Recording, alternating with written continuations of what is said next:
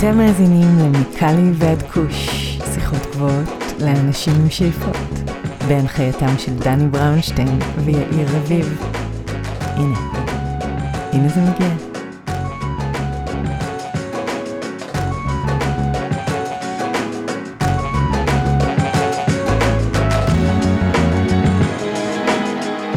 אהלן אהלן, קורה יאיר? וואי, איזה פתיחה דרמטית, דני, הכל בסדר גמור, איך אתה?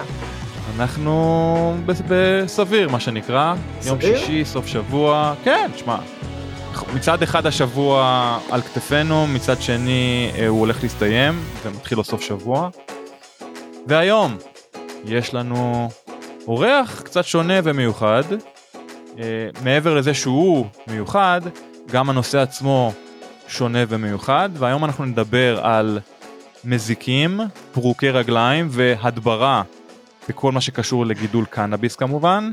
גורם לזה זה להישמע מה זה סקסי.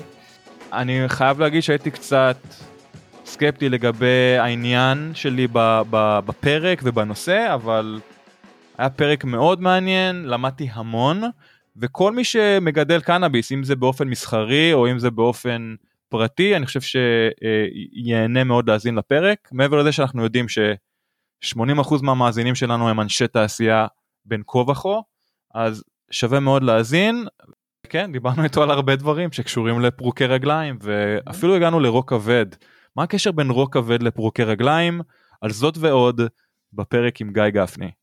אז זהו גיא גפני. גיא גפני, בוקר טוב, ערב טוב, מה שלומך? בוקר טוב, ערב טוב, שומעים מצוין, מה איתכם? אנחנו בסדר, תן לנו אוריינטציה גיאוגרפית. מאיפה אתה מדבר איתנו היום? אוריינטציה גיאוגרפית. אני גר ברחובות, נמצא כרגע בבית, מדבר מהמשרד. אז אני נמצא בלוס אנג'לס, ויאיר, שותפי להנחיה, נמצא בתל אביב, לא רחוק ממך. אכן כן, שלום שלום. שלום יאיר. גיא, ברשותך בוא נתחיל מהקל אל הכבד. ספר לנו באופן כללי על הרקע המקצועי שלך, ומה הביא אותך לתחום הקנאביס. אה, מבחינת אה, רקע מקצועי אני אגרונום ואני אנטומולוג. אה, למדתי בפקולטה לחקלאות. אל הקנאביס הגעתי בעצם מכיוון שהוא יותר מקצועי ומדעי. בעצם בחיפוש אחרי אתגר חדש, בתקופה שבה הייתי בעצם מנהל המו"פ של Biobest ישראל, חברה שנקראת בעצם שירותי האבקה יד מרדכי. שם בעצם בניתי פרוטוקולים של הדברה משולבת לכל מיני ירקות ברחבי ישראל. אה, ובשלב כלשהו שיש פרוטוקול, פרוטוקול הופך להיות משהו מאוד קבוע, ובשביל איש מחקר ופיתוח כמוני זה גם הופך להיות קצת משעמם. ככה הגעתי בעצם בפעם הראשונה לקנאביס, עוד לפני ההסדרה ולפני הרשימות של תכשירי הדברה, וגיליתי עולם שלם בעצם של אה, גידול חקלאי שאין לו שום פרוטוקול וגם קשה מאוד, עד בלתי אפשרי לייצר לו פרוטוקול. היו שם כמויות אדירות של מזיקים ומעט מאוד ידע. ומצאתי מצאתי אתגר סוף סוף, מצאתי משהו שבאמת חממה שכל פעם שאני נכנס אליה, כל שבוע מחדש, היא שונה לחלוטין. קצב גידול מהיר, עומס מזיקים אדיר ב- בישראל, אה, ומקום שבו בעצם אה, היה מעט מאוד ידע בישראל, ואני הנטייה שלי במקום שאין ידע הוא לייצר ידע. ומצאתי את עצמי בעצם אה, קורא ומתעמק ונכנס ומסתכל וצולל לתוך הצמחים ומנסה דברים בשילובים שונים של תכשירי הדברה ושימוש באויבים טבעיים בכל מיני דרכים שונות עד שהגעתי בעצם לרמות הידע ש... שיש לי היום. ולפני בערך אה, שנה יצאתי לעצמאות והיום אני משמש אה, כיועץ הגנת צומח בעיקר בחוות קנאביס, עובד גם עם אה, פרחים, עם ורדים, חרציות, עוד תחום שהוא די קשה מהבחינה הזאת. יפה, אז דיברת על מזיקים בהקשר של צמחים ו- ופרחים אחרים מול קנאביס, אז איפה צמח הקנאביס עומד בהשוואה לצמחים אחרים בכל מה שקשור לקושי גידול, תנאים מיוחדים ומזיקים? אה, מבחינת קושי גידול, אה, קנאביס הוא צמח חזק. קנאביס זה משהו שכמו שרבים מאיתנו יודעים, אתה יכול לזרוק אותו כמעט בכל מקום והוא יגדל לתפארת, בין אם זה ייקח מעט זמן או הרבה זמן. אני חושב שהקושי האמיתי מתחיל ברגע שזה הופך להיות אה, גידול מסחרי, מסיבי וצפוף. זה השלב שבו בעצם מזיקים ומחלות הופכים להיות משהו שזה נדלק ברגע. אתה מתחיל עם משהו מאוד מאוד קטן, רגוע ועדין, ומהר מאוד זה מתפשט בכל החלקה, אה, וכל הזמן צריך להיות עם אה, אצבע על הדופק. מהבחינה הזאת, אני חושב שגם אחד הדברים שיותר קשים בקנאביס מאשר בגידולים חקלאיים אחרים, זה העניין של אה, בקרת האקלים. בגלל שיש לנו בקרת אקלים, ואנחנו בעצם מחממים, ואנחנו מקררים, ואנחנו שומרים על החוט, כבר אין, כמעט ואין לנו עניין של אה, עונתיות של מזיקים. אם בדרך כלל אנחנו יודעים בחממות שנמצאות בלי חימום ובלי קירור, בלי בכלל בקרת אקלים, אנחנו יודעים שבדרך כלל יש מזיקים של סתיו חורף ויש מזיקים של אביב ומזיקים של אה, שלהי הקיץ. בקנאביס ברגע שמזיק כלשהו נכנס לחממה הוא מוצא תנאים אופטימליים. מצד אחד כל הזמן מספקים לו מזון כי הגידול לא מפסיק אף פעם, ומצד שני יש לו שם תנאים מושלמים. כלומר לא חם מדי, לא קר מדי, הלחות תמיד ממוצעת, אה, וזה בדרך כלל אה, תנאים מושלמים למזיקים, וככה אתה יכול למצוא מזיקים של קיץ בחורף, מזיקים של חורף בקיץ, וזה הופך את זה להרבה יותר מאתגר. נשמע כמו בית הערכה חמישה כוכבים למזיקים.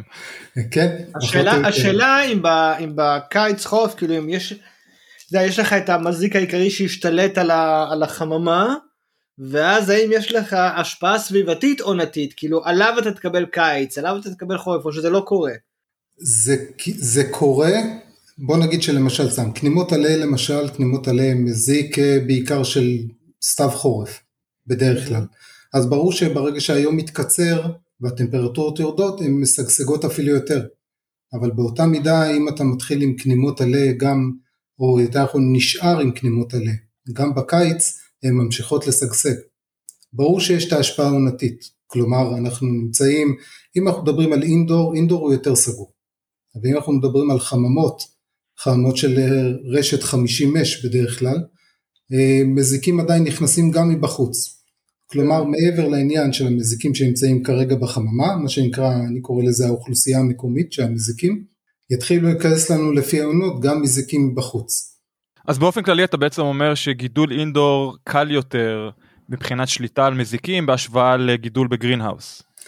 גידול אינדור הוא קל יותר, אבל זה בדרך כלל מניסיוני עובד מצוין בדרך כלל בשנה הראשונה. בשנה הראשונה זה בדרך כלל באמת, הם מצליחים לשמור די נקי אבל גם שם לאט לאט מצטברים מזיקים ובאינדור פשוט יותר קשה לרסס. הרבה יותר כן. קשה לרסס מאשר בחממות אה, רשת, שאתה פשוט פותח, מאוורר, הכל הרבה יותר קל. דיברנו על אינדור מול גרינהאוס, האם יש משמעות באיזה קרקע או מצע אנחנו מגדלים בהקשר של אה, בריאות הצמח? יש, קודם כל יש יתרונות וחסרונות בכל דבר, כמו בכל נושא. אני יכול להגיד לכם שהרבה פעמים ההשפעה של המצע היא בעיקר השפעה לתחום של, אה, של פטריות, של מחלות קרקע ופטריות, ופחות העניין של מזיקים. כי אם אנחנו מדברים למשל על מזיקים שתוקפים שורשים, להם זה לא משנה אם השורשים האלה נמצאים בקוקוס, בכבול, ב... לא יודע מה, טוף או פרלייט. בסופו של דבר כל עוד יש שורשים, יהיו מזיקים.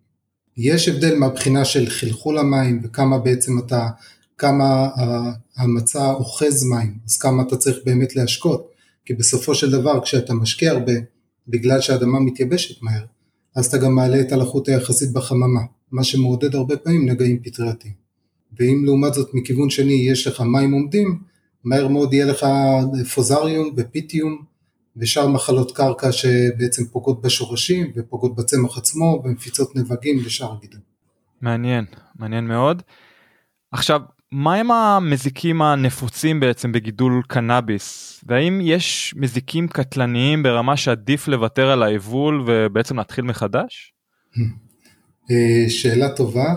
קודם כל אני חושב שאם אתה מגיע למצב שאתה צריך לוותר על כל היבול, זה אומר שעשית משהו לא נכון לאורך הדרך. אמ, אני כן, לפעמים חלק מההמלצות שלי זה לגרוע צמחים. כלומר, אני רואה צמח שהוא צמח מוקד, ואני אומר, תקשיבו, פה לא שווה להילחם עליו. יש לכם נגיד בדונם 3,000 צמחים, קחו את הצמח הזה, תעיפו אותו עכשיו. אבל בגדול מזיקים ברמה של לוותר על היבול, אה, אני לא מאמין בזה. זה באמת צריך להיות רק בהזנחה פושעת, ואז עדיין, כאילו, אם, אם, אם אתה באמת תמיד מבצע ניטור, כל פעם בודק את הצמחים, אה, משתמש במחסומים פיזיים, כלומר במלכודות, אה, מלכודות פרומון, מלכודות צבע, יש לך איש הגנת צומח או מומחה הגנת צומח שמסתובב לך כל שבוע בין הצמחים, אתה לא תגיע למצב שאתה צריך להשמיד את כל היבול.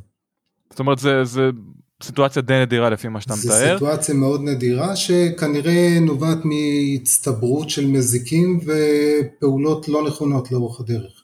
יש, יש מזיקים אז... שהם נוראים, לשאלתך. אז בוא, אתה יכול, אתה יכול לתת לנו איזה breakdown של המזיקים הנפוצים ביותר בגידול קנאביס, לפחות בישראל? כן. אז קודם כל אני חושב שהמזיק הגרוע ביותר בגידול קנאביס זה כנימות. אוקיי? בעיקר כנימות עלה, כשאנחנו מדברים בדרך כלל בעיקר על כנימת עלה הדלועיים, Aphis gossypii, אה, ואנחנו מדברים בחלק מהחוות גם על כנימת עלי הקנאביס, פורודון קנאביס. אה, מדי פעם אפשר למצוא גם... אגב, אותם כנימות אפשר לראות בעין בלתי מזוינת, או שאתה צריך ציוד אה, מיוחד בשביל מה שנקרא לתפוס אותה על חם? את, ה, את הכנימות אפשר לראות, הן בדרך כלל יושבות בצד התחתון של העלה, מה שדורש בעצם אה, לעבור ולהפוך עלים ולבדוק בעצם גם בחלק התחתון, גם במרכז הצמח, בעלים פנימיים, אה, לבדוק גם בתפרחות, לפעמים הצמח נראה מבחינת הלבן נראה מושלם, אבל יש כנימות שהגיעו וכבר התלבשו על התפרחות הצעירות, והם יתחילו להתרבות בתוך התפרחות. אז זה דורש ממש בדיקה מאוד מאוד מדוקדקת ותשומת לב לפרטים. יש לנו עוד כמה מינים של אה, כנימות עלה, כמו למשל כנימת עלה אפרסק, מיזוס פרסיקה, ויש לנו את כנימת אה, הפול, אפיס פביה, שהם אה, יותר, אני לא אגיד נדירות, אבל אני פחות רואה אותם. אה, יכול להיות שזה נובע בדרך כלל מאיזו תחרות מרחבית, ובגלל שהכנימת עלי הדלויים וכנימת עלי הקנאביס יותר מוצלחות בלשגשג על קנאביס, אז הן פשוט דוחקות מזיקים אחרים. עוד כנימה אה, לא פשוטה בכלל, זה כנימה שבעצם אני תיעדתי אותה בפעם הראשונה בקנאביס אה, בתחילת שנת 2019, זאת כנימת שורש האורז, נקראת טרופלוסיפום ברופי אבדומינלי, אה, זו כנימה שלרוב מתלבשת על... שם יפה. אה, כן, קליט. קליט אה, מאוד, כן. כן. אז בעצם הכנימה הזאת היא בעצם ניזונה בעיקר משורשים, והיא נמצאת בתוך המצע. לרוב היא נמצאת בדרך כלל גם בטבע בישראל, על אה, דגנים בדרך כלל או גמאים, אבל היא גם נכנסת לחממות והיא מתלבשת על שורשים של קנאביס, בדרך כלל עד שאתה יודע שהן נמצאות שם, הן כבר מתרבות בכמות כזאת שהן פשוט נשפחות מהמצע. נשפחות מהמצע, מתחילות לטייל על שולחנות, על שקי הגידול, מטפסות על הצמח, מתחילות להתרבות גם על ההלוואה ובתפרחות עצמן, אה, ויכולות אפילו לצוץ בשלב די מאוחר של ההפרחה, מה שאומר ששם אנחנו כבר בבעיה. אני שומע אותך מדבר ופשוט זה מגרד לי פיזית בגוף. כאילו, המראה הזה עם ה... שאתה מגיע לחלל גידול ופתאום אה, כל החלק העליון מכוסה קורים ואתה רואה אותם הולכים בתוכם זה פשוט טראומטי. כן, כן, שהם מתחילים לנזול, לנזול מהקורים. כן, זה, זה קשה, זה קשה, זה קשה גם לי, אה, לא, לא בגלל המראה, אלא בגלל הרחמים שלי על הצמח. כן.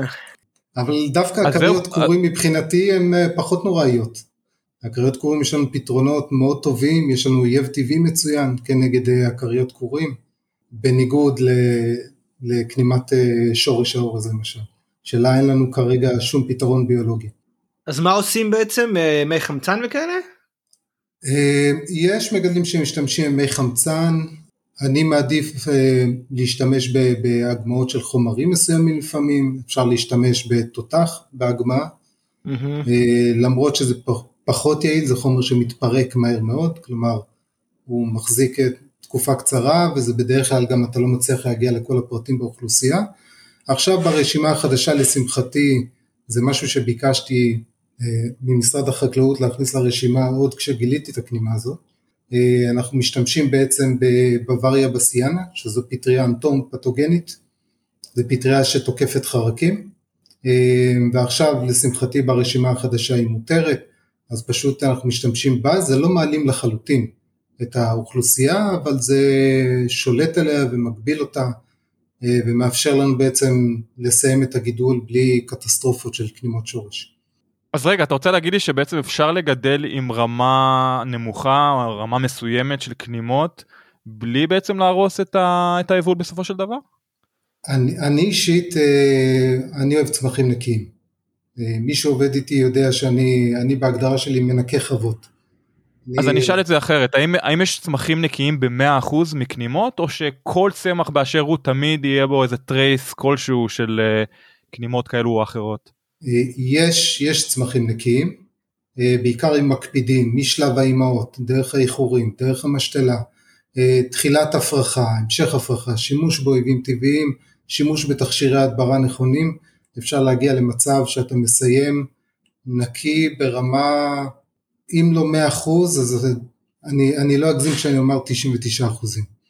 שאתה מגיע למצב שאתה אפילו יכול לדחות את הקטיף בגלל שכרגע מבחינת כוח אדם או סדר עדיפויות, כרגע אתה מעדיף לעשות משהו אחר והחממה מספיק נקייה בשביל להישאר ולעמוד ולהמשיך להבשיל בלי לחץ, בלי קטיף טופים שאני אישית לא אוהב קטיף טופים.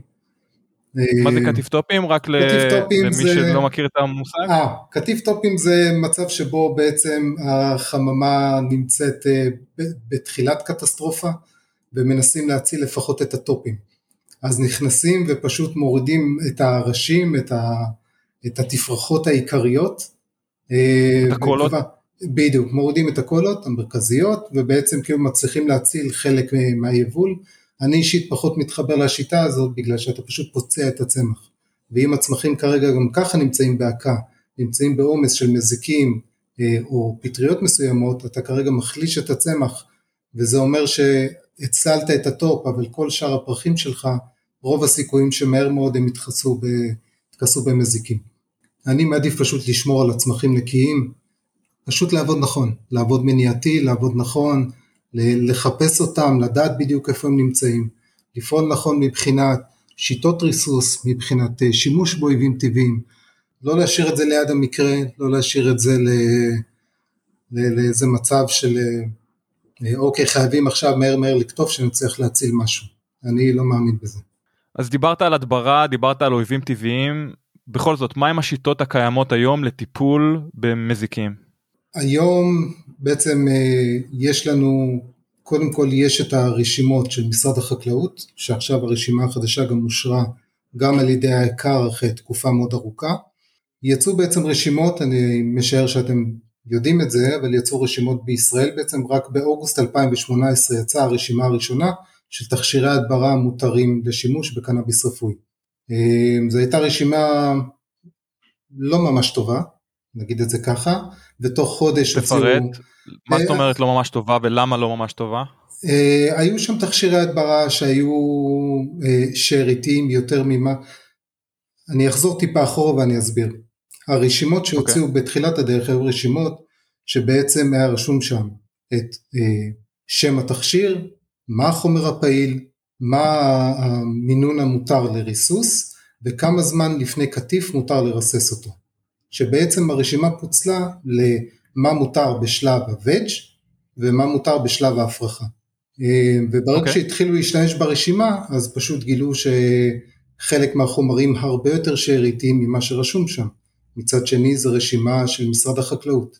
זה יצר מין אה, קונפליקט ומין מצב ש... אם אמרו לך שחומר מסוים מתפרק אחרי 45 יום, אבל מוצאים לך אותו פתאום בתפרחות כשריססת אותו לפני 60 יום, אז uh, מי אמור לשלם על זה שהם uh, כרגע פוסלים לך את האצווה? בהחלט בעייתי. בעייתי מאוד. אז הוציאו רשימה חדשה אחרי בערך חודש, שגם עדיין לא הייתה מספיק טובה, ואז הוציאו בעצם uh, רשימה שלישית בפברואר 2019, ואמרו שתוך חצי שנה יוציאו רשימה נוספת, עברו שנתיים וחצי מאז, והרשימה החדשה אושרה ממש לפני משהו כמו שבוע בערך, על ידי, גם על ידי היקר. אמ, מה שעשו ברשימה החדשה זה פשוט אמרו אנחנו לא נכנסים לכם, לא אלה לימי שאריתיות, יש שם הנחיות של מינון, אבל מהבחינה הזאת בעצם הכניסו לשם, הם פשוט אמרו, המזיקים שקיימים בקנאביס זה אותם מזיקים שקיימים בפירות וירקות. אנחנו מרשים לכם להשתמש באיזה, בכל תכשירי ההדברה שמותרים בירקות. גם דברים שבעיניי הם אה, נוראים, יש שם חומרים כמו טלסטאר, שזה חומר שאתה מרסס אותו על צמח פלפל, ברוב הסיכויים שאם תשים עליו עכשיו הכרית טורפת שאמורה להיות מועיל, היא גם שלושה חודשים אחרי היא תמות מבחינת שאריתיות. אז זה משהו שכרגע מופיע ברשימה החדשה. אז כמובן שאני משער שאנשים... קצת מטריד, לא? כאילו... מטריד מאוד. סליחה שאני קוטע, אבל פלפל אתה יכול אה, עדיין לשטוף במים ובסבון, קנאביס אתה לא בדיוק שוטף אחרי זה ואתה צריך uh, לשאוף אותו לריאות, אז מה... נכון, כאילו, וגם... איך, איך מכניסים כזה חומר לרשימה? אה, נכון, גם במקרה של פלפל ספציפית, אה, פלפל מתחילים לקטוף אחרי בין חמישה לתשעה חודשים. יש הרבה מאוד זמן להתפרקות, בקנאביס אין את זה, אבל בגלל שנוצר איזה מין אה, קונפליקט כזה, ואף אחד לא רוצה לקחת את האחריות על הרשימה, אז אמרו אלה החומרים, זה מה שאנחנו עקרונית מרשים, אנחנו הוציאו במקביל, הוציאו רשימה של שאריתיות. כלומר כשאתה שולח בעצם את התפרחות לבדיקת שאריתיות, מה השאריתיות המותרת. כמובן שבחומרים קשים מאוד השאריתיות המותרת היא אפס. אז רוב הסיכויים שאף אחד לא ישתמש בהם, אני גם בספק אם מישהו מהחוות רוצה להשתמש בחומרים כאלה לצמח שמשמש כתרופה. אבל יש שם גם חומרים אחרים שהם רעלי עצבים לכל דבר והם מתפרקים אחרי 60 יום נגיד, ובהם משתמשים גם בירקות ומותר גם להשתמש בהם בקנאביס, אה, והם יתפרקו עם הזמן. ורוב הסיכויים שתגיע בסופו של דבר בבדיקת שאריתיות אה, לא ימצאו כלום בגלל שהחומר כבר יתפרק לחלוטין. בכל מקרה אני אישית בגישה שלי אני אה, משתמש בעיקר בשמנים וסבונים, אני כמעט ולא משתמש בחומרים שהם חומרים נגדיר אותם אה, קשים יותר. כימיים? כן, בסך הכל גם, גם, גם, בשמנ, גם בשמנים צמחיים, יש לנו תרכובות שהן בעצם כימיות בסופו של דבר, אבל הם לא רעלי עצבים שהם מוכווני פרוקי רגליים. אבל עכשיו שנייה, כשאתה כן. משווה את הרשימה הזאת, הרשימה החדשה שיצאה לא מזמן, לרשימות אחרות מרחבי העולם, קליפורניה, האיחוד האירופאי, אה, אפילו מדינות כמו אוסטרליה, האם הרשימה הזאת אה, היא בר, ברת השוואה לרשימות אחרות בעולם? רק להבין את מקומנו בהשוואה לשאר המקומות בעולם. אני לא מכיר רשימות של, שמשתמשים בדיוק באירופה, אבל אני יודע גם בארצות הברית וגם בקנדה, שזה מקומות שכן הייתי מעורב, אה, שברשימה, רוב החומרים שנמצאים ברשימה זה שמנים וסבונים. שמנים וסבונים לפעמים זה גם חומרים אורגניים שהם כן רעלי עצבים והם פירוטרואידים, אה, כמו למשל בתכשיר תותח שמשתמשים בו בישראל. לרוב לא משתמשים אגב מה זה התכשיר תותח הזה סליחה שאני פה אה, קוטע אותך אני פשוט לא מבין מה זה אתה יכול להסביר למאזינים מה זה התכשיר תותח אה, אמרת אורגני או לא אורגני? הוא אורגני, הוא אורגני כי, כי במקור הוא בעצם אה, מיצוי מצמח אבל הוא מכיל חומר שהוא, שהוא רע על עצבים שהוא מוכוון בעיקר לפורקי רגליים לא לבעלי דמך. זה הסיבה שהוא מוגדר אורגני הוא גם מיוצר בעצם מצמחים אה, ואין איתו בעיה, יש עוד תכשירים שהמקור שלהם הוא למשל חיידקי קרקע, והם גם חומרים שהם יחסית קשים בהשוואה לשמנים וסבונים, אבל הם אורגניים כי המקור שלהם הוא טבעי. אז גם דברים כאלה מותרים בחקלאות אורגנית, כל עוד המקור הוא טבעי. הבנתי. דני, אתה זוכר שציאניד הוא אורגני? נכון, גם ארץ נחשים הוא אורגני. אוקיי, אז דיברנו על השיטות הקיימות לטיפול במזיקים, דיברת עכשיו על שיטה אורגנית, אז אומרת, אני מבין שמותר להשתמש באמצעים אורגניים, אסור לגדל באופן אורגני, נכון? נכון. האם יש אפשרות לגדל ללא טיפול במזיקים? כל עוד אנחנו מגדלים בתוך חממות, אני בספק אם נוכל לגדל ללא טיפול בכלל. אם אנחנו מדברים, אני משער שאתה מתכוון לתכשירי הדברה ושימוש באויבים טבעיים? בעיקר כן, אנחנו קצת מדברים על הנושא הזה פה, גם אה, אה, המונח living soil.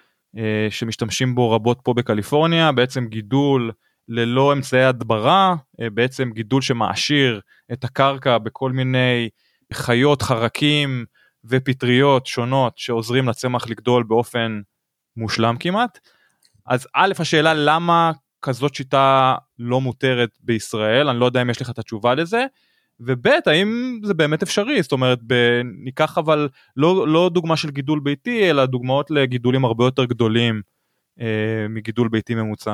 אבל דני ליבינגסון לא אומר שאין לך מזיקים פשוט אתה מפתח אקו סיסטם שהמזיקים בשליטה כל הזמן. אוקיי מבחינתי זה היינו הך מבחינתי אם יש לי מזיק שהוא לא מזיק לצמח ואני מצליח לשלוט עליו בצורה כזו או אחרת לצורך העניין בצורה טבעית לחלוטין ואורגנית מבחינתי המזיק הזה לא קיים לא ככה גיא? אבל מה שחשוב זה מה שחשוב ל-GMP. כן. אוקיי. זה אה? אז ממה שאני יודע לגבי ליבינג סויל מדובר בעיקר על אה, משלשולים למשל, אה, קפץ זנביים, הכריות קרקע טורפות, זה בעצם יותר מוכוון קרקע. כלומר אנחנו מדברים על דברים שיפרקו, למשל מפרקים חומר אורגני בקרקע וככה הם מעשירים את הקרקע. אה, זה, הם פחות, מה שנמצא בליבינג סויל פחות נוגע למה שנמצא על הצמח. אה, יש חלוקה לנישות, כשאנחנו מדברים על פורקי רגליים, יש להם חלוקה לנישות, כלומר יש כאלה שימצאו בעיקר בקרקע, יש כאלה שימצאו על הצמח וגם על הצמח, זה יכול להיות שהם יהיו בחלק העליון של הצמח, יש כאלה שיהיו דווקא יותר בעלים התחתונים, יש כאלה שיחיו על פני העלה ויש כאלה שבחלק התחתון של העלה. צריך בעצם מעבר ל-living soil, שזה בעצם בעיקר איזה מין שיטה להעשיר כל הזמן את הקרקע בחומר אורגני, כמו שאני מבין את זה, אה, ששם בעצם אתה לא מחליף את הקרקע, אלא אתה כל הזמן, הם בעצם עושים לך את העבודה של העשרת הקרקע, בדיוק. אה, ואתה לא מחליף, את, אתה לא מחליף בעצם את המצע. אה, כשאנחנו מדברים על שימוש באויבים טבעיים, אנחנו מדברים על שימוש ועל פיזור מוכוון ב, ב, בעקריות טורפות, בצרעות טפיליות אה, ובטורפים כלליים שאנחנו מפזרים בעצם על הצמח עצמו, והם טורפים את המזיקים שנמצאים על הצמח. אז ליבינג סויל זה דבר אחד, שימוש באויבים טבעיים זה דבר שמאושר בישראל. ליבינג סויל מאמין שהבעיה בישראל היא בעצם היום לפי בעצם ה-IMC GAP, אתה צריך להחליף את המצע כל פעם, כלומר כל צמח גדל בשק גידול משלו, איך שסיימת אתה צריך להשמיד גם את השק. צריך להיפטר ממנו לחלוטין.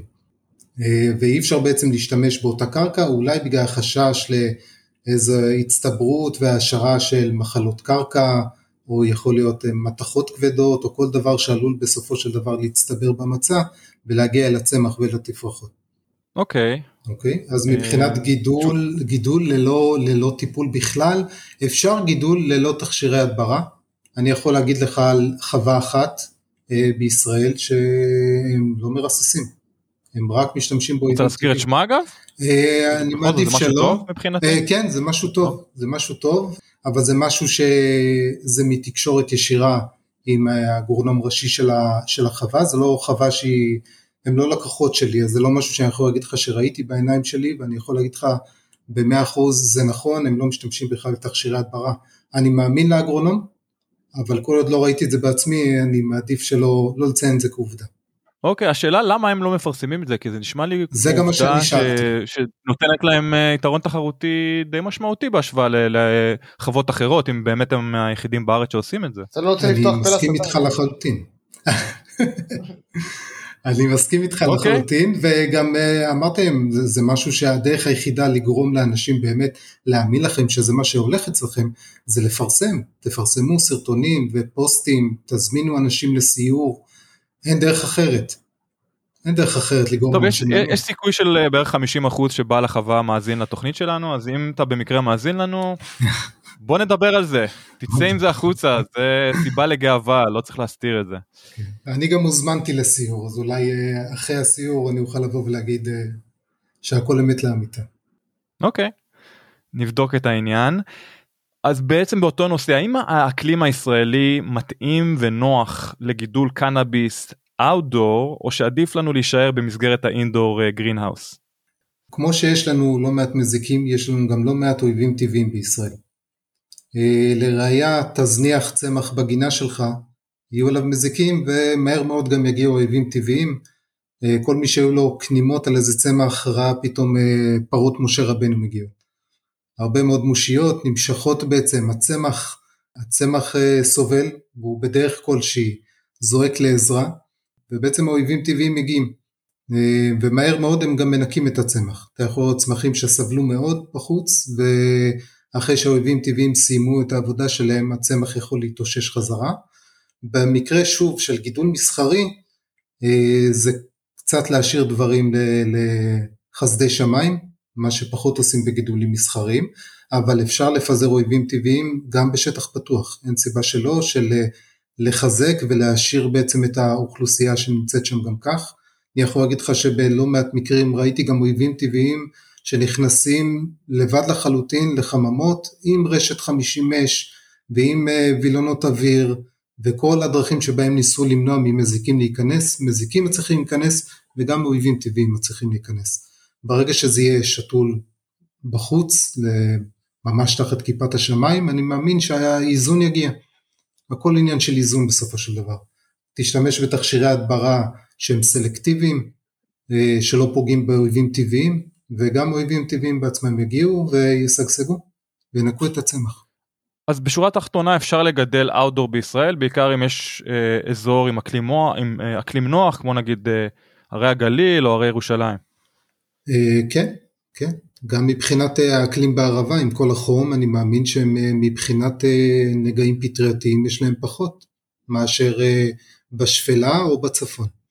רק בערבה ה... יש להם כמובן את כל הבעיה של החום, נכון. המסיבי בקיץ, ובגלל זה הם צריכים בכל זאת בקרת אקלים כלשהי. נכון, נכון, אבל הלחות שלהם נמוכה יותר, מה שגם בטוח תורם להם. בהחלט. אז ספר לנו על הפרויקטים האחרונים בהם אתה היית מעורב, ומהם האתגרים בהם נתקלת? אני, אחד הדברים ש... שמאוד מעניינים אותי זה הכניסה בעצם והעבודה עם החוות הוותיקות בישראל. החוות הוותיקות הן הרבה פעמים גם מקור לגנטיקה של הרבה מאוד מהחוות החדשות והצעירות אה, ואני עובד גם עם חוות חדשות וצעירות ואני רואה שהצמחים מגיעים ובוא נגיד שלא חסרים, לא חסרים מזיקים ביניהם גם אה, אחד הדברים שיותר מעניינים אותי שזו כנימת עלי הקנאביס. כנימת עלי הקנאביס היא כנימה שהפונטקאי היחיד שלה זה הקנאביס. כלומר זה משהו שלא יכול להגיע מבחוץ, זה הגיע עם הגנטיקה להשערתי וזו השערה שמבוססת אך ורק על אה, מחשבות אישיות שלי, זה פשוט הגיע עם אה, חומר צמחי שהוברח לישראל והגיע עם כנימות. המקור של הכנימה הזו בכלל מהודו. והיא נמצאת אה, בלא מעט חוות, הכנימה הזאת, ובעצם מה שאני רואה שברגע שאני מנקה לחלוטין את החווה מכנימות עלי קנאביס, הכנימות האלה לא יחזרו. כל עוד לא יכניסו גנטיקה נגועה שוב, אפשר להיפטר מאחד המזיקים המשמעותיים בחווה, ולשמור על זה שהוא בעצם, אה, זה צמצום משמעותי בסופו של דבר בשימוש בתכשירי הדברה, ברגע שאתה מצליח להיפטר ממזיק כל כך משמעותי. וזה משהו אפשרי, כי בניגוד לכנימות עלה אחרות, או כנימות אש, או הכריות כורים, הן, הן תמיד, תמיד יגיעו, הן נמצאות בחוץ, הן נמצאות בגינות, הן נמצאות אה, על עשבים מחוץ לחממה והן יגיעו. כנימת עלי הקנאביס לא יכולה להגיע משום מקום חוץ מקנאביס.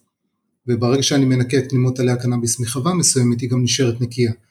וזה גם אחד הדברים שעשיתי לא מזמן באחת החוות הוותיקות, וזה פשוט תענוג גדול להסתובב ולראות צמחים שבעבר אה, היו מסיימים הפרחה עם ערימות של כנימות ופתאום אפשר לסיים בשקט ושלווה ולקטוף בעצם בלי שום לחץ בקטיף.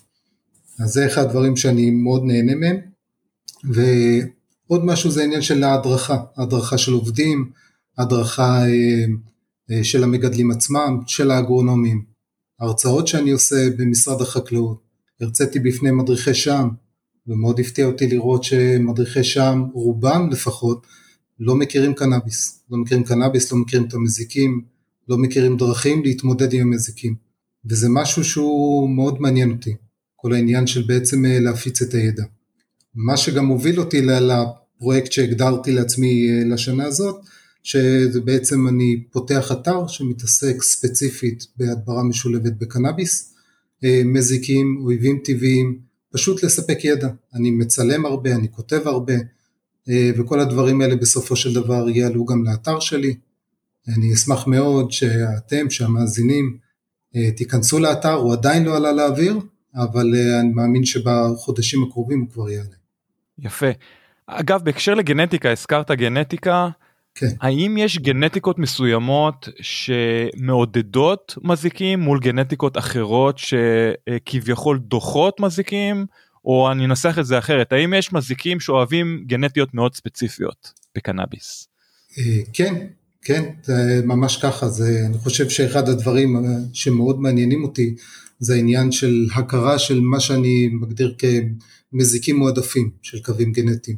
אפשר לראות שהרבה פעמים כנימות אה, כמו כנימת עלי הקנאביס, הרבה פעמים מתלבשות על, על קווים גנטיים שהם בעצם אינדיקה דומיננטית, אה, מה שלא מפתיע עם זה שבמקור כנימת עלי הקנאביס מגיע מהודו כמו שאמרתי אה, ויש קווים מסוימים שהכריות קורים מאוד אוהבות ויש אה, ממש אפשר לשתול לפעמים שותלים שני קווים גנטיים באותה חממה ממש שורות, שורה ליד שורה חצי חצי ואתה יכול לראות שאחד אחד מהקווים הגנטיים מתמלא ב, ב, בכנימות או בכריות בעוד שבאחר אין כלום או שיש בו משהו אחר לחלוטין.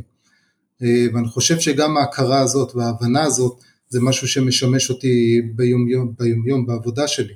כשאני יודע אה, מה עומדים לשתול בחמה, אני כבר מכין את עצמי מראש למה הולך להיות שם. וזה חלק מהתהליך בעצם שאני עובר, שהלמידה שלי בתוך חווה. מעניין, אז בעצם אה, בדומה לסנופ דוגי דוג, גם המזיקים מעדיפים את הקנאבי שלהם אינדיקה דומיננט.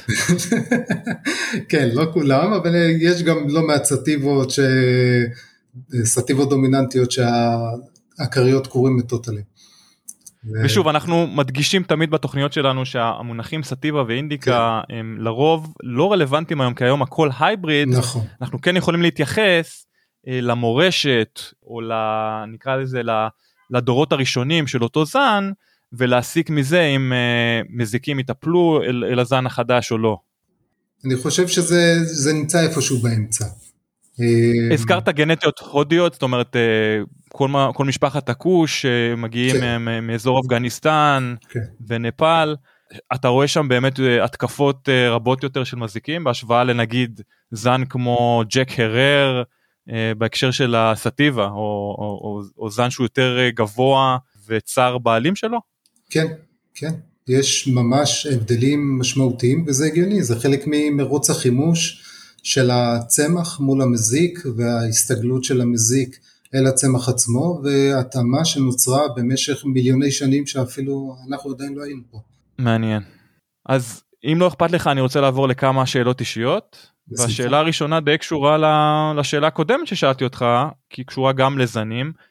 בכל זאת מהם הזנים האהובים עליך באופן אישי שאתה נתקל בהם ולמה? אז קודם כל כמו שאמרתי אני אוהב את הזנים בוא נגדיר אותם הבעייתיים. כי okay. פה, אוקיי. בעצם, פה בעצם נמצא האתגר בסופו של דבר.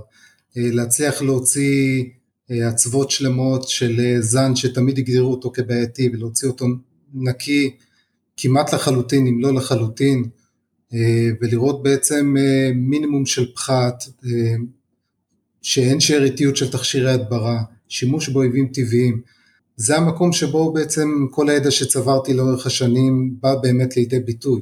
ואני פשוט נהנה בסופו של דבר אה, לראות את התוצאה של אה, המלצות שלי ושל דברים מסוימים שאני בעצם משנה בגישה של, ה, של המגדלים כלפי הצמח. יפה, יש זן ספציפי מסוים שאתה אוהב לעבוד עליו שהוא מאתגר במיוחד? אה, אני חושב שיש הרבה, לכל, לכל חווה יש את הזן הבעייתי שלה. המאתגר שלה, ובדרך כלל אלה דווקא הקווים הכי מבוקשים בשוק. בדרך כלל הקווים הכי מבוקשים בשוק הם הכי בעייתיים בחווה, וממשיכים לשתול אותם, וממש אצווה אחרי אצווה, אצווה אחרי אצווה, ובעצם צריך איכשהו להגיע למצב שאפשר לשתול אותם וגם לקטוף אותם בשקט. אה, לכל חווה יש לפחות לפחות זן אחד כזה, שהוא בעייתי מאוד והוא נשתל בכמויות לאורך השנה. מה שנקרא הכבשה השחורה של החווה. כן. יפה אז אילו קטגוריות אחרות מרגשות אותך בתעשייה שלנו ולמה? אז קודם כל ברור שבסופו של דבר מה שהכי מושך אותי זה העניין של ההדברה המשולבת או יותר ספציפית ההדברה הביולוגית והגנת הצומח, אה, כל העניין של אה, בעצם שימוש בפורקי רגליים, אה, טורפים או טפילים כנגד פורקי רגליים מזיקים, עקריות וחרקים מזיקים. וגם התחום כל הזמן התפתח, אני נמצא בחוות ויש חוות שלא מפסיקות uh, כל הזמן uh, להשתנות ולגדול ולנסות וכל פעם שאני בא יש uh, משהו חדש שהם מנסים, מצעים חדשים, שיטות חדשות, תכשיר חדש, שיטות שונות לגידול או קיטום, או... וזה דבר מדהים לראות. כל פעם שאתה מגיע לחווה יש משהו חדש ואף פעם לא משעמם. זאת אומרת תחום הגידול מאוד מושך אותך באופן כללי לאו דווקא מזיקים. המזיקים בסופו של דבר זה מה שבאמת אה, מושך אותי אבל אה, ברור. תחום הגידול מאוד מאוד מעניין אותי גם כאגרונום וגם בעקבות אה, זה שאני נמצא סביב הצמח. בסופו של דבר אני רואה, אני מסתובב בכל כך הרבה חוות שאני רואה שיטות גידול שונות ואסכולות שונות וזה מדהים לראות איך במקומות שונים כל אחד עובד בשיטה שלו ועם אה, תוצאות משלו ובעצם לראות ולהשוות איכשהו בעין חיצונית להשוות בין חוות שונות ושיטות גידול שונות זה מאוד מעניין. אז דיברת על חוות שונות שאלה קצת מכשילה כן. אילו שחקנים אחרים בתחום אתה מעריך בארץ ואו בעולם ולמה אתה מעריך אותם? דיברנו על אותה חווה שרוצה להישאר בעילום שם על זה שהיא עושה משהו קצת שונה אבל אתה רוצה לתת קצת דוגמאות לחוות אחרות או שחקנים אחרים? קודם כל יש, יש חוות שבעצם הן אה, חוות, אני לא, אני לרוב לא, לא ממש אציין שמות או משהו, כי אני, קודם כל אני חייב להגיד שאישית אני לא ממש מעורבב בתעשייה, אני רוב הקשר שלי הוא עם האגרונומים, עם המגדלים ועם העובדים של החווה, אני פחות אה, מכיר את השמות הגדולים בשוק בארץ ובעולם. אה, אני מגיע, כמו שאמרתי, בעיקר מהכיוון האנטומולוגי של פורקי הרגליים, החרקים והכריות והמזיקים והמחלות אה, וההשפעות עליי לאורך החיים והאנשים שאני בעצם מביט עליהם זה אנשים מהתחום הזה. כאן בארץ מבחינת גידול יש מספר חוות שהן באמת פאר הטכנולוגיה, בעוד שיש אה, חוות אחרות שממש לקחו חממת אה, עגבניות או פרחים או מלפפונים והפכו אותם לחוות קנאביס, אה, ברור עם שדרוגים והתאמות, כשיש חוות בעצם חדשות, כמו למשל אינטליקנה שאני עובד בה, היא חווה שהיא מבחינה טכנולוגית ומבחינת כל הדברים שהם עושים, זה דבר מדהים, אתה רואה מקום שבאמת אה, לוקח, אה, אה, לוקח את הידע וכל הזמן רודף אחרי ידע ומחפש ידע ומנסה דברים חדשים וזה דבר מדהים לראות.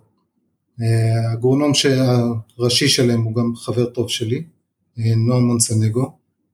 נועם ואני עובדים ביחד עוד מהתקופה שהוא עבד בטבע אדיר באליפז, אה, ועם זה שהוא עבר בין חוות, אה, יצא שתמיד עבדנו ביחד, כל מקום שהוא הגיע, בגלל התקשורת הטובה שלנו וההתאמה בינינו מבחינת אה, הדעה והגישה לצמח, כל פעם יצא שאנחנו עובדים ביחד ואנחנו מצליחים לעשות דברים מדהימים. והוא, אם כבר מדברים על המשיכה שלי לגידול וכל זה, הוא בחור שלימד אותי לא מעט, אנחנו מדברים מאוד פתוח, אני משתף איתו כל דבר שאני מוצא ורואה וחושב, וכנ"ל לגביו, ויש אה, לא מעט מגדלים טובים בישראל. יש הרבה מאוד מגדלים טובים בישראל ואנשים פתוחים. אני חושב שהרבה אנשים הגיעו לתחום הזה בחוות, באמת מתוך אהבה לחקלאות ואהבה לצמח.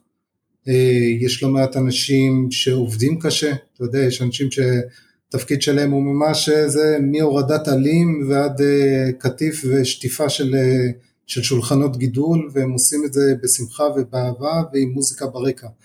וזה לא קל, זה חם בחורף ולפעמים גם קצת קר בקיץ, חם בקיץ ולפעמים קצת אה, קר בחורף והם עדיין ממשיכים ועובדים ואני מעריך את האנשים האלה מכל הלב.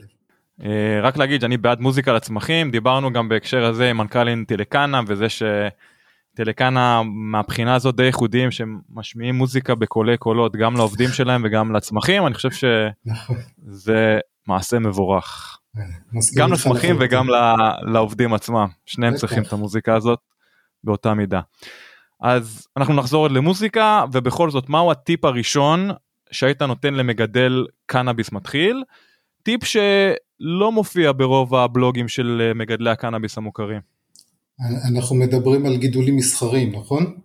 לא, אני דווקא מדבר על גידולים ביתיים, מגדל קנאביס מתחיל שבאמת אינשאללה גם בישראל אה, יהיה מותר לגדל קנאביס בקרוב, בש, בש, בשנים הקרובות. אה, פה בקליפורניה איפה שאני נמצא כבר מותר לגדל קנאביס כמו בהרבה מקומות אחרים בארצות הברית אז בכל זאת מי שרוצה לגדל קנאביס בבית ולא יודע מאיפה להתחיל מה הטיפ הראשון שהיית נותן טיפ שכמו שאמרתי לא מופיע אה, ברוב הפורומים של, אה, של מגדלי הקנאביס. אה, אז אני חושב שהדבר הכי חשוב הוא תשומת לב לפרטים וניטור. אני חושב קודם כל תכיר את הצמח, תעקוב אחריו, תראה משהו משתנה ותקרא הרבה. תקרא הרבה, תלמד הרבה. זה מאוד חשוב כי אני חושב שזה חלק, חלק מהחוויה, זה חלק מהלימוד האמיתי. אה, חשוב מאוד לצבור ניסיון, אבל בשביל לצבור ניסיון צריך זמן. ואחת הדרכים זה לפחות לצבור מה שנקרא ניסיון תיאורטי. לקרוא וללמוד ולעקוב ולשים לב לשינויים בצמח. אם משהו משתנה, הצבע של העלים, הצורה של העלים, ישר להיכנס, לחפש, לבדוק, לשאול, אה, ולא להתבייש, לשאול אנשים בעלי ניסיון. בהחלט. אז אנחנו חוזרים למוזיקה, זה היה מהיר. מוזיקה וקנאביס בעיניי זה שילוב מנצח, אה, שניהם אלמנטים מרפאים, רוחניים, ואלמנטים שמחברים בין אנשים בכל העולם. אז עם או בלי קשר לקנאביס, מהם האמנים או הלהקות שהשפיעו עליך ועל מי שאתה היום? אמ, אז מבחינת מוזיקה, אני, אני מגיע מ, מרקע של רוק כבד. המוזיקה שעליה, כן, מוזיקה שעליה גדלתי. האמת, אני לא מופתע, כאילו אמרתי, מי יכול, כאילו, אתה סיפרת לפני הרעיון שמגיל שלוש אתה מחבב פרוקי רגליים. ומחבב חרקים. אמרתי לעצמי, איזה בן אדם יכול לחבב חרקים מגיל כזה צעיר? כן. אז הנה, עכשיו אתה עונה לי על השאלה. בן אדם שאוהב רוק כבד, זה אותם אנשים. בעצם. הרוק כבד הגיע בערך עשר שנים אחרי. גדלתי בעצם בעיקר על אה, מטאליקה, ועל Sepultura, ועל Megadeth, ו Faith No More, ועל Alice in Chains. אני בן 43. אותו גיל. היית מסתובב ברוקסן וכאלה? כן. הייתי ברוקסן, ופינגווין, ו... Faith No More בנמל חיפה ראית? Faith No More הייתי בשש הופעות שונות שלהם אני חושב. וואלה. Mike Patton בכל מקום שהוא הופיע הייתי. אני לא בארץ ראיתי אותו שלוש פעמים, כולל יום אחרי. הוא פנומן. ואני ראיתי אותו גם עם אה, עכשיו אנחנו כרגע בשלב מי ראה את Mike Patton יותר בחיים אז אני את Faith No More אמנם ראיתי רק פעמיים אבל ראיתי את Mike Patton עם הרכבים אחרים פה בקליפורניה לפחות בשלוש גם Mr. Bungle וגם אה, Peeping Tom שזה היה איזה הרכב אה, ארעי שהוא הצטרף אליו לאיזה שנה שנתיים. הוא אדיר, בכל במה, בכל הרכב שהוא לא היה, הוא פשוט אדיר.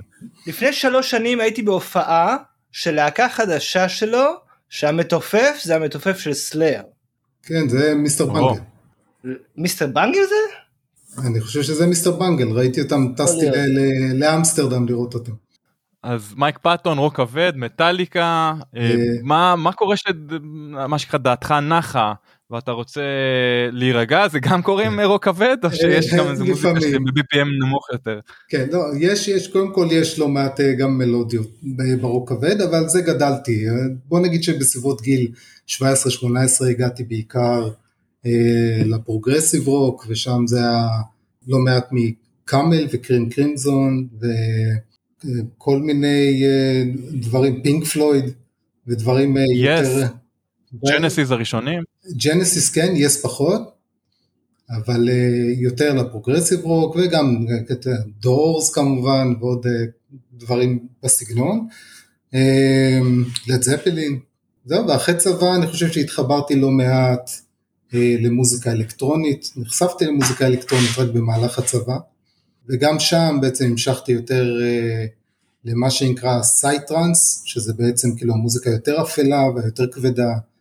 אה, כמו זנומורף ודארק סוהו אה, והרכבים הרבה יותר כבדים שמשלבים דיסטורשנים, אבל גם דברים יותר נעימים כמו שפונגל למשל של רג'ה רם עם סיימון פוספורד ודברים yeah. שהם יותר, אה, יותר רגועים שאפשר לעצום את העיניים וליהנות מהמוזיקה, לא מעט אהוד בנאי במוזיקה הישראלית, אריק איינשטיין, שאני מאוד אוהב, שלמה ארצי, שהוא פסקול החיים בערך של כל ישראלי אפשרי, וגם היום, היום, אה, מה אני שומע היום? גם ישראלי, עדיין שומע רוק כבד, עדיין נוסע להופעות.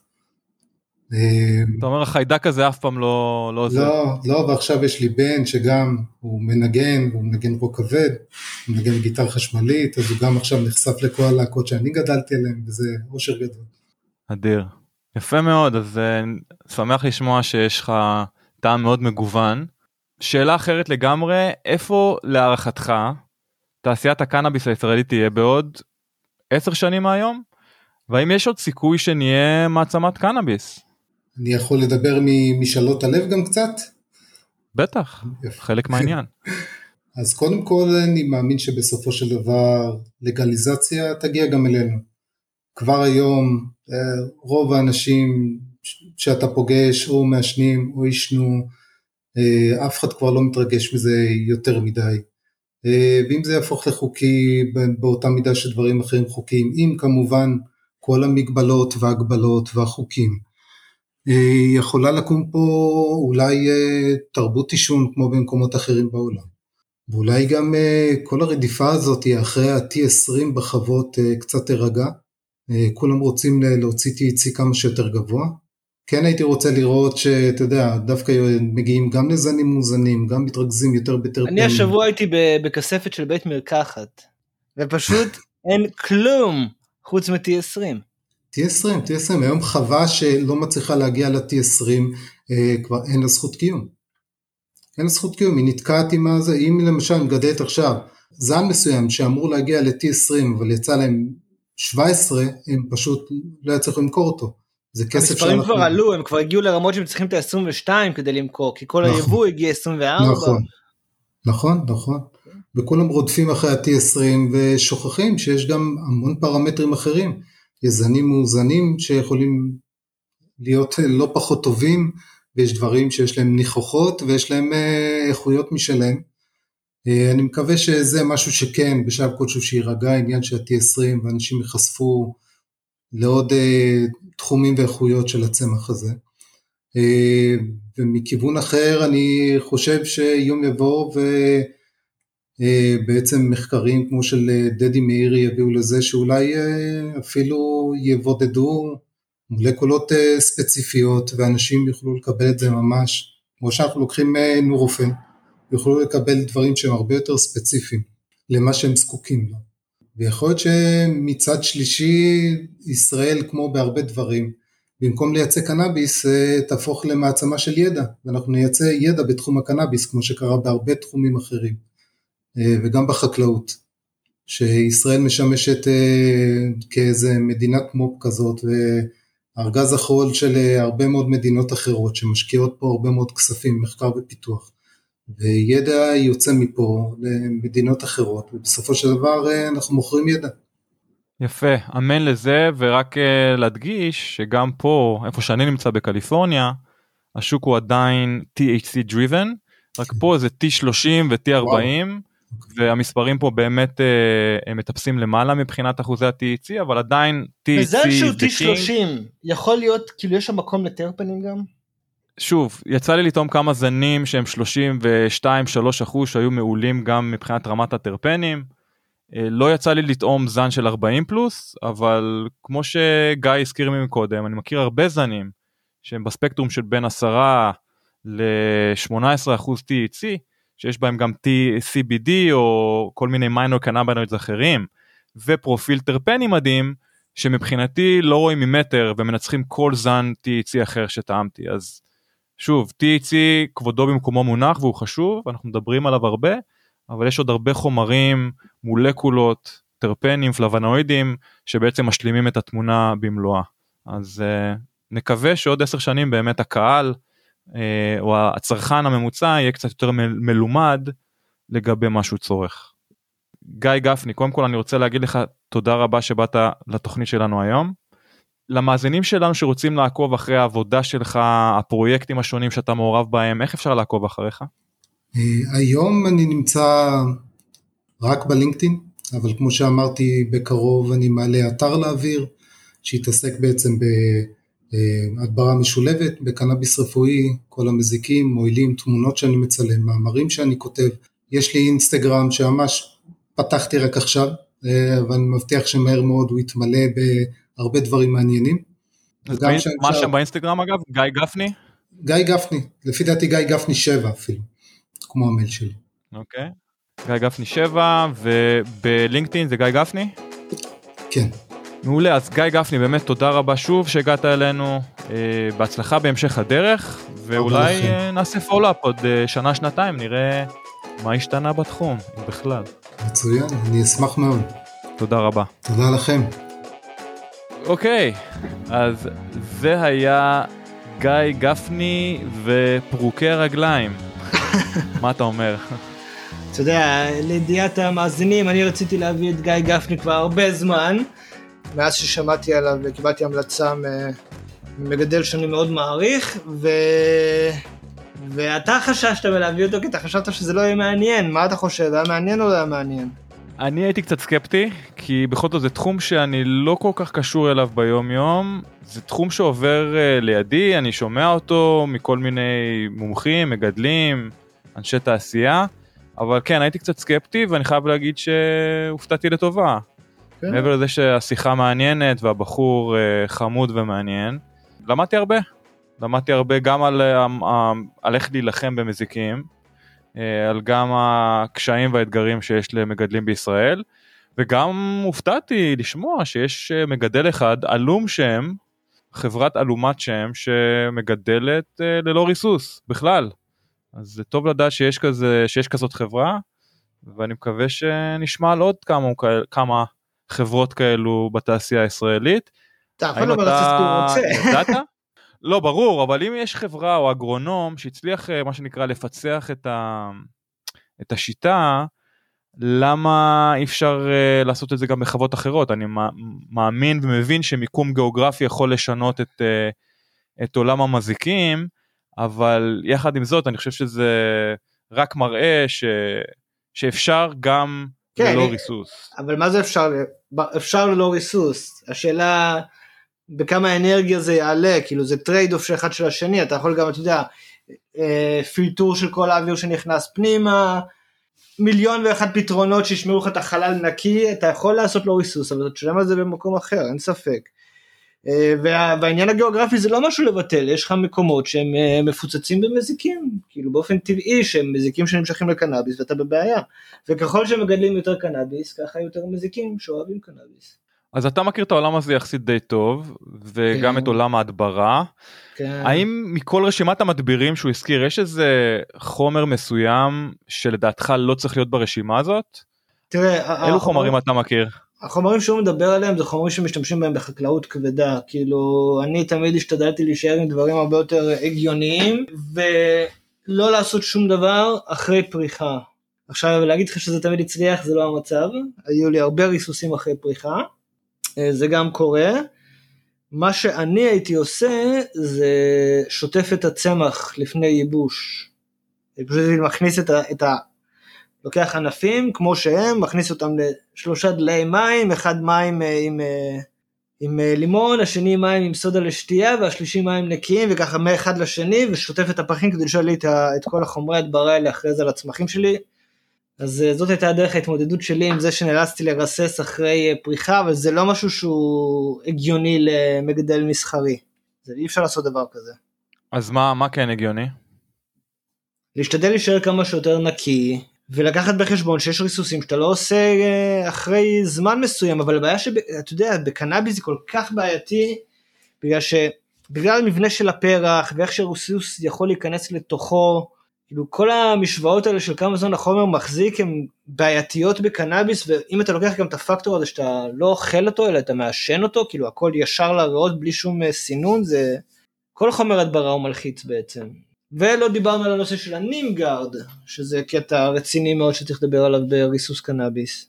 אתה מודע לסיפור הזה? לא. יש אה, שמן עץ האזדרכת, אה, שמן נים, שיש מלא מוצרים שמשתמשים בהם בשמן נים, כאילו יש נימגרד, יש נימיקס וכו' וכו' וכו', והחומר הזה הוא אורגני, מאוד בטוח לשימוש, אבל הוא נשאר על הפרחים והוא יוצא יחד עם המיצוי. זאת אומרת אם עכשיו אתה ממצה פרחים שרוססו בנימגרד, בשמן שלך יהיה נימגרד. זה לא אמור אה, לעבור בדיקת מעבדה, לפחות לא פה. אני לא יודע מבחינת בדיקות המע- המעבדה אצלכם, אבל בהקשר הזה יש איזה קשר כלשהו להקרנות שהפרח עובר? זאת אומרת, האם ההקרנות כן עוזרות להרוג חלק מאותן שאריות של חומרי הדברה, או שאין שום קשר בין הדברים? לא, ההדברות זה עוזר לדברים שיש להם DNA. אתה מבין? כאילו פטריות, מזיקים כאלה, כאילו עובשים, אתה מפרק, אתה מפרק את ה-DNA בעצם. זה לא רלוונטי לחומרי הדברה. אוקיי, אז לסיכום הנושא הזה של חומרי הדברה בישראל, מה צריך להשתנות? אם מה זה בכלל, לא, זה לא? חומרי הדברה, אתה יודע, כאילו זה עולם שלם של, של אנשים שבצד השני לא מבינים מה, מה זה, כאילו, אתה יודע, יש לך את הסמלילים האלה, על שקיות של קנאביס רפואי בישראל יש סמלילים שאומרים מה הפרח הזה עבר, אז אה, אומר לך איזה סוג של הדברה ואיזה סוג של הקרנה, אז כאילו, אנשים צריכים להבין את המשמעות של כל דבר, כאילו מה זה הדברה אורגנית, זה שזה הדברה אורגנית זה לא אומר שזה בהכרח יותר טוב, כמו שגיא הסביר, ומה זה הדברה ביולוגית, שזה מאוד מאוד חשוב, כי הדברה ביולוגית זה שמפזרים את האויב הטבעי של המזיקים של הצמח. זה דרך מאוד מאוד כן, הוא נקייה, קרא לזה ברעיון אויב, אויבים טבעיים, נכון? אויבים הוא טבעיים, כן. אה, ויש מזיקים מאוד בעייתיים ש... שחומרי הדברה דווקא לא מטפלים בהם, אז שם דווקא האויבים הטבעיים אה, מאוד אה, עוזרים. בקיצור זה נושא עצום, זה, זה כאילו זה משמיד יבולים, זה פוגע באיכות של יבולים, זה פוגע בכמויות, זה אין לזה סוף כאילו. ואתה יודע עוד אחד מהנדבכים של תעשיית הקנאביס שהם פשוט שקופים לצרכן. עכשיו דיברנו בעיקר על גידולים מסחריים, בואו שנייה נעשה שיפט לגידול ביתי למי שבוחר לגדל בבית, אם זה חוקי או לא, תלוי איפה הוא גר. האם אפשר לגדל בבית ללא חומרי הדברה? הרבה יותר קל לגדל בבית ללא חומרי הדברה, אבל כאילו נניח כמה צמחים תעשה בבית? שישה, וכל הזמן תשמור שיהיה נקי, תסגור ותתקלח לפני שאתה עובד עליהם, והכלבים והחתולים לא יתקרבו אליהם, ואתה יכול להגיע לגידול בלי חומרי הדברה, בקלות אפילו בבית. וואלה. כן. אגב, גם אה, לא אגב, גם כולל שהוא אמר אה, אויבים, טבעיים? מה שהוא אמר לגבי האאוטדור, שכאילו כשאתה בחוץ, ואז לאקרית מגיעה אקרית הטורפת, ואז מגיע הזחל, ולזחל יש את התולעת, ואז מגיעה הציפור, ככה זה בטבע, כאילו אחרי כמה זמן של גידולים, כאילו הצמח מתאקלם לסביבה, וכאילו יש לך איזשהו מאזן כוחות בין המזיקים לבין הבעלי חיים בסביבה. זה מאוד מעניין לראות את זה. מעניין מאוד. מעניין גם איך אה, אותן חוות בצפון קליפורניה, שמגדלות כבר עשרות שנים, מתמודדות עם... אה, אני בטוח שיש גם מזיקים שם, אולי קצת שונים, אולי קצת דומים, אבל בכל זאת הם מתמודדים איתם כבר עשרות שנים, חלקן באופן אורגני לחלוטין. אה, כן, ואתה יודע, שם יש לך מזיקים מכל הצבעים והגדלים, זה יכול להיות גם צבי. ואז הטיפול במזיק הוא עם שוטגן. צבי שבא מה, לאכול אה, פרחי קנאביס? זה קיים? בטח. חולדות, זו- חולדים, שמה נמשכות לצמח הקנאביס מה אני לא מבין מה זאת אומרת אני יכול אני מבין כי אנחנו בכל זאת מדברים על קנאביס פה בתוכנית אבל uh, מה מה לחולדה ולקנאביס מה יש לך פה איזושהי היא צמחית, קצת סוכר, קצת זה, קצת שם, למה לא? תביא ביס. תביא ביס. תולעים, זחלים, מלא, כל הזמן. כל הזמן. כן תולעים זכלים וזה פרוקי רגליים כאמור דיברנו די הרבה. בתוכנית פחות הייתי פחות הייתי מודע לצד של uh, יונקים כן. שתוקפים את הצמח או, או ניזונים ממנו איזה שטויות היינו עושים. פעם היינו, אה, כל הסביבה שקשורה בגידולי אאוטדור, היינו מפזרים קינמון ומלח על האדמה. וממי זה מונע להגיע? זה היה אמור למנוע? נמלים. זה לא מנע נמלים. אתה אומר זה לא עבד. לא, אבל זה ניסוי וטעייה כל הנושא הזה של גידול קנאביס, אתה לא, אתה לא מבין כמה טעויות נעשו בדרך. בטוח ואני בטוח שגם מבחינה מסחרית שאנחנו מגדלים ב... באופן מסחרי ובגודל כזה אז אתה מתחיל לאבד שליטה בשלב מסוים. לא, כמו שאתה אומר שאתה אתה לא- מגדל אתה לא שלושה, יכול לאבד שליטה, יש לך ביקורת, הכל לא לאבד. שליטה אבל יש לך ביקורת אבל כמו שאתה אומר שאתה מגדל שלושה או שישה עציצים זה לא כן. סיפור אחר. בגלל זה שזה כל הנושא של קראפט, מה זה קנאביס קראפט? קנאביס קראפט זה קנאביס שיש לך מספיק צמחים שאתה יכול לטפל בכל אחד מהם כמו שצריך, אתה מסדר את הענפים, אתה מוציא רק פרחים פרימיום, וזה, אתה רואה מה קורה, מספר הצמחים הוא משפיע מאוד על אה, קבלת ההחלטות ועל מה אפשר לעשות לצמח. תחשוב על זה ככה, אוקיי? כשאתה עכשיו מגדל קנאביס ואתה מתכנן קדימה איך ייראה הגידול, אתה צריך באיזשהו מקום לספור כמה פעמים אתה נוגע בצמח. אם עכשיו אתה מחליט שאתה עושה topping, זה אומר שיש לך נגיעה בצמח, אתה צריך לעשות topping. ואם אתה עושה ScrOG, זה אומר שיש לך שבע נגיעות בצמח בשלב כך וכך ועוד כך וכך, אתה צריך לדעת כמה פעמים אתה נוגע בצמח. עכשיו, מאוד קל לדעת כמה פעמים אתה נוגע בצמח, ומאוד קל לעשות את זה כפול 6 צמחים, קלי קלות. אבל אם יש לך עכשיו אלף צמחים, הרבה יותר קשה לגעת בכל צמח 20 פעם במהלך הגידול שלו, כי זה אומר שתיגע בצמח 20 אלף פעמים. בהחלט. טוב, אתה רוצה לסכם את הנושא או שאני נראה לי שכבר די סיכמנו למרות שזה נושא שהוא די מעניין ונמשיך לעקוב אחריו אני, אני חושב. אסכם את הנושא שהשם ישמור אותנו ממזיקים, אה, מעקריות הקורים, גידולים נקיים ונטולי ריסוסים. אני מצטרף לברכה שלך. אמן. אה, דבר אחד שאני רק רוצה להוסיף אני חושב שגיא שכח אה, אה, להוסיף בדברים שלו שא' הוא היה כותב שותף בפרק המזיקים והמחלות של האנציקלופדיה לקנאביס שאנחנו מדברים עליה הרבה האנציקלופדיה מעולה. של יואב גלעדי וזיו ג'ניסוב כן. אז מעבר לכתיבה גם גם אה, רוב התמונות בפרק שצולמו צולמו על ידו. אז אה, למישהי מכם שרכש את האנציקלופדיה או שבקרוב הולך לקבל את המהדורה הראשונה שימו לב לצילומים ולפרק עם גיא גפני. כן. זה היה פרק 84 על הדברה, מדבירים, מזיקים ופרוקי רגליים עם אה, לא אחר מגיא גפני. עד כאן להשבוע מקלי ועד כוש תודה רבה שאתם מאזינים לנו אנא תעשו לנו לייק בפייסבוק באפליקציות בלינקדאין. איפה שאתם לא תהיו בלינקדאין יש לנו עמוד. לינקדאין חדש. אתם מוזמנים ללק, ללקלק אותו איך אומרים אין לי מושג איך זה נקרא אותו? בלינקדאין. להתחבר אליהם. ללקלק אותו בוא תלקלקו תלייקלקו את העמוד החדש שלנו בלינקדאין.